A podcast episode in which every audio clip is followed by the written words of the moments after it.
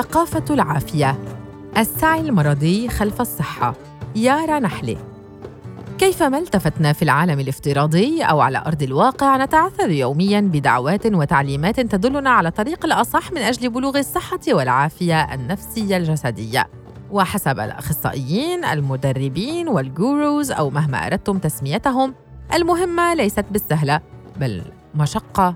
تتطلب توزيع جهودنا في اتجاهات عدة اتباع حمية غذائية أو أخرى استهلاك مواد طبيعية حصراً التأمل واليوغا تحمل تطبيقات الصحة والتطوير الذاتي حضور ورشة عمل وتدريبات تجريب علاجات الأعشاب والروائح والذهاب في خلوات جماعية باهظة الثمن من أجل الانكفاء مع الذات والطبيعة. يختلف الأمر جندرياً فإن كنا نتحدث عن امرأة قائمة المهمات أمامها من أجل الوصول إلى العافية أطول. فهناك الاعتناء بالشعر والبشرة الحفاظ على الوزن أو خفضه استهلاك الكثير الكثير من المستحضرات ليبدو الأمر نهاية أشبه بعمل بدوام كامل أكثر من كونه سبيلاً للراحة والارتخاء. ليس من المستغرب أن يتحول الاهتمام بالصحة إلى هاجس جماعي على النحو الذي نراه اليوم. فبعد قرون من مواظبة البشر على التفريط ليس بصحتهم فحسب بل أيضاً بصحة الكوكب كاملاً بدأوا يشعرون اليوم بالسخونة. وعليه تفاقمت في الآونة الأخيرة مخاوف الأفراد بشأن صحتهم وبنيت حولها ثقافة كاملة هي ثقافة العافية أو ما يعرف ب the wellness culture يتجاوز المقصود بالعافية التمتع بصحة جسدية جيدة والخلو من الأمراض ليشمل الصحة النفسية أيضا والشعور بالرضا والتكامل الذاتي. وبتعريف آخر ثقافة العافية هي سعي دائم خلف الصحة والسعادة لكن دون بلوغ الهدف. فنظرا لهول الكارثة التي تتربص بالبشرية جمعاء من البديهي أن تصاغ لها حلول جذرية ذات طابع كوني، لكن السوق قرر خلاف ذلك. بين بيع وهم السعادة والنجاح وبيع المنتجات والمستحضرات والخدمات العيادية، يستثمر قطاع العافية ببؤس الأفراد وعجزهم، ويراكم على ظهرهم ثروات مقدرة بتريليونات الدولارات، فاقت 4.4 تريليون دولار في العام 2020 بحسب المعهد العالمي للعافية. زيادة على ذلك تنتهج معظم الشركات العاملة في هذا المجال نموذج المخططات والخدع الهرمية للإيقاع بالأفراد من أجل العمل لصالحها دون أن يتمكنوا يوماً من جني أي ربح. وعليه يمكن إضافة الثراء إلى جانب الصحة والنجاح من ضمن الأوهام التي يتاجر بها قطاع العافية ورواده يقع الأفراد في سعيهم للاحتماء من سموم الحياة العصرية وما يصحبها من قلق ضحية إغراءات ثقافة العافية ووعودها الكاذبة. وبحسب تعليماتها فإن السبيل الوحيد لبلوغ حالة من التعافي والرضا هو عبر استراتيجيات ضبط الذات، إدارتها، تطويرها والتركيز على الأنا وعلاقتها مع العالم المسموم كأنه يمكن الهروب بالأنا من المستنقع الذي نحن فيه. أما كل ما عدا ذلك من مقومات الصحة والرفاه بشروطها الاقتصادية والبيئية والاجتماعية فيقع خارج نطاق مذهب العافية الذي يختص حصرا بالفرد ويتناسى كل ما يحيط به. إن كنت تعاني من الكآبة والاستلاب مثلا فثمة خطب فيك وليس في العالم الذي يقيس قيمة الأفراد بالأرقام. وإن كنت تعاني من أمراض وآفات فسببه هو أكلك للحم بدل الخضار. ولا ذنب في ذلك للنظام الصحي أو سياسات الدولة المتقاعسة عن حماية صحة الفرد من الملوثات.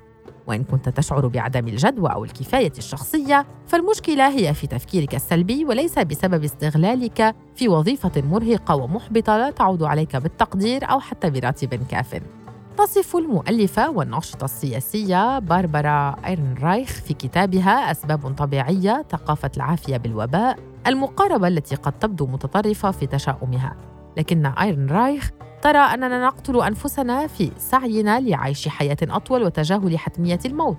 وتشرح الكاتبة منظومة الأخلاق الطبية المتمحورة حول بلوغ الذات الأفضل رغم عدم وجود هذه الذات مبينة التفاوتات الطبقية والجندرية التي تكرسها دعوات ضبط النفس.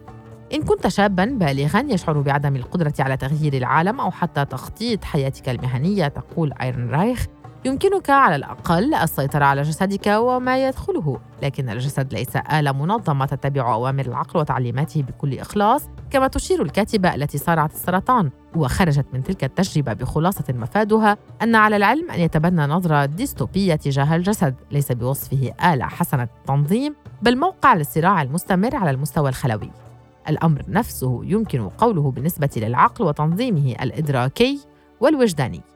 تلقى مسؤولية بناء حياة صحية على عاتق الفرد وحده ما يعفي الدول ومؤسساتها من التزاماتهم تجاه الأفراد والجماعات أما نمط الحياة الذي تدعو إليه هذه الثقافة والسعادة التي تروج لها فتشوبهما النزاعات الرأسمالية التي رغم ادعائها التمحور حول الفرد ومصلحته الشخصية فأكثر ما تهتم به في الحقيقة هو الحفاظ على الوضع الاجتماعي الراهن بما يستدعي إذعان الفرد ولعبه لأدوار محددة مسبقاً. ترتدي ثقافة العافية ثوبا روحانيا منسوجا بتعاليم الرأسمالية وشعائرها المبنية حول تقديس مبدأ الإنتاجية في تجاهل تام للاستهلاكية التي تختزنها. ويمكن هنا الاستعانة بمقاربة جيمي كاريت وريتشارد كينغ مؤلفي كتاب بيع الروحانية الذي يضع تعريفا لمذهب الروحانية الرأسمالية بوصفه مهدئا للصراعات الداخلية. هذا المذهب يلبي حاجة الرأسمالية لخلق ذات فردية مستقرة ومتكيفة وقوى عاملة ممتثلة لمتطلبات السوق وشراهته. يتماشى هذا الطرح مع رؤية الأكاديمي رونالد بيرسر وهو من أبرز نقاد مذهب الروحانية الرأسمالية إذ يشير في كتابه McMindfulness إلى اقتصاد السعادة الفردية الذي بات ممتثلا لأسس وقوانين النموذج النيوليبرالي الداعي إلى مراكمة رأس المال البشري وتعظيم مكاسبنا في حقل الرفاهية والسعادة من خلال إدارة مواردنا الداخلية. تنبثق هذه الظاهرة عن حركة العهد الحديث التي ظهرت في السبعينيات، إلا أن جذورها تمتد أبعد من ذلك بصورة ما إلى أواخر القرن التاسع عشر، حيث انتشرت هذه الثقافة بين الأوروبيين لكن تحت اسم آخر هو إصلاح الحياة. ففي ظل التطور الصناعي والحضري المضطرد شعر الكثير من الأوروبيون بالحاجة إلى العودة لحياة طبيعية وصحية خصوصاً مع تراجع ثقتهم بالقطاع الطبي الذي يبغي الربح قبل كل شيء. لذا شرع الأوروبيون بتجريب علاجات وطرائق بديلة كالأنظمة الغذائية النباتية أو النيئة والرياضات الخارجية والعري وارتياد المنتجعات الصحية. وقد ساهمت هذه الثقافة في التسويق للمعايير الجمالية المرتبطة بالجسد الصحي والسليم فتم ربط صحة الرجل بعضلاته وصحة المرأة بنحفها وهي معايير لا تزال سارية حتى يومنا هذا. كانت هذه الممارسة حكرا على الطبقات الوسطى والبرجوازية وبالرغم من تمردها على تبعات الثورة الصناعية وأسلوب الحياة الذي فرضته إلا أن ثقافة إصلاح الحياة ما كانت لتوجد لولا الترف والثروة اللتين وفرتهما الثورة الصناعية. كذلك الأمر بالنسبة للنسخة العصرية التي تركز على إصلاح الذات التي أفسدها أسلوب الحياة المعاصر أو بمعنى آخر الرأسمالية باستخدام أدوات الرأسمالية نفسها. يمكن النظر إلى ثقافة العافية بوصفها فرعاً من فروع الطب البديل الذي يعجز عن إثبات فعاليته بالأدلة العلمية لتبقى الوعود التي تقدمها ثقافة العافية بوصفها رأس مالها الوحيد فحتى أولئك المنصاعون جدا إلى قيمها وتعاليمها لم تتحقق أمامهم هذه الوعود المغرية والفاقدة للواقعية والصدق التوازن الروحي توفيرا للمال الشعور بالسعادة المعدي القادر على تغيير العالم وإلى آخره فيا ترى هل نعتقد حقا أنه يمكننا أن نعيش كأفراد معافين في ظل كوكب يوشك على الموت؟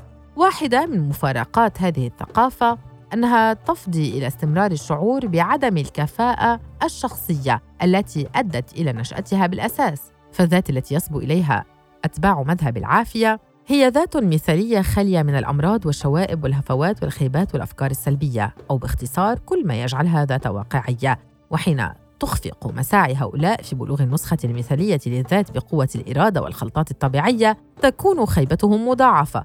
وبدل التخلي عن حلم تحقيق الصحة المثالية يتجه البعض إلى تكثيف جهوده عبر القفز من برنامج إلى آخر ومن علاج بالطرطقة إلى علاج بالزيوت الأساسية ومن طريقة تأملية إلى عشبة مهلوسة. وفي سعي محموم وهوسي لفك شفرة السعادة هو العيش المديد